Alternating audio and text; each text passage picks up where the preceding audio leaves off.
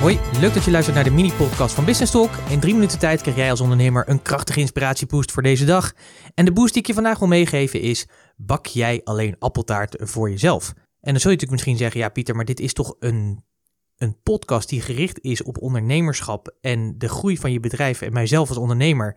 Wat heeft een appeltaart daar nou weer mee te maken? Nou, eigenlijk best wel veel, om heel eerlijk te zijn. En ik wil graag het gebruiken even als metafoor.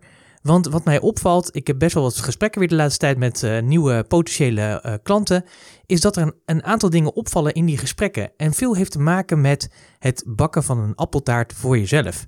En wat ik daarmee bedoel is eigenlijk heel simpel. Je kent het vast wel als je een appeltaart hebt gebakken, dat dat zo enorm lekker ruikt. En als die dan de oven uitkomt, dan, ja, ik weet niet hoe het bij jou is, maar sowieso moet ik altijd al, zeg maar, iets van de kantjes, van de krokantjes, moet ik altijd even proeven.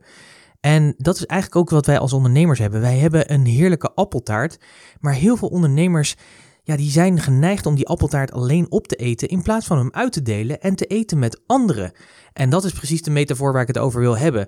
Wat mij opvalt is dat veel ondernemers goed zijn in wat ze doen, dus echte vakidioten, hè, dat is ook het, vaak de geuzennaam die ik daarvoor gebruik, maar dat men vergeet of dat men het lastig vindt omdat er allerlei overtuigingen in zitten, of dat men het spannend vindt om uit die comfortzone te komen, om meer zichtbaar te zijn, om meer naar buiten te gaan en die appeltaart, dus die talenten, je producten en diensten, het cadeau wat je te bieden hebt aan de wereld, aan mensen die echt op jou zitten te wachten, op jouw dienstverlening zitten te wachten, om die weg te geven. En ja, veel mensen vinden dat uh, dus moeilijk op een of andere manier om zichtbaar te zijn. En dat heeft dus ook mee te maken hoe je erin staat, wat je ervaring erin is. En ik moet je heel eerlijk zeggen dat ik vaak ook met dit soort ondernemers in gesprek ben en eigenlijk ze confronteer met het feit dat ze toch een mate van egoïsme toepassen.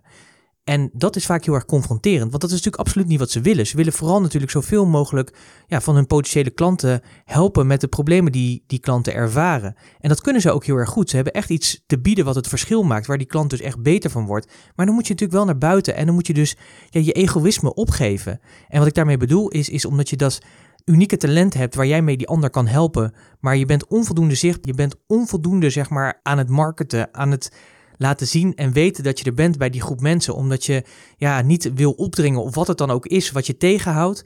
Daarmee vind ik zeg maar dat je een mate van egoïsme toont en dat is niet goed. Dat is zonde, want er is gewoon een groep mensen die op jou zitten wachten.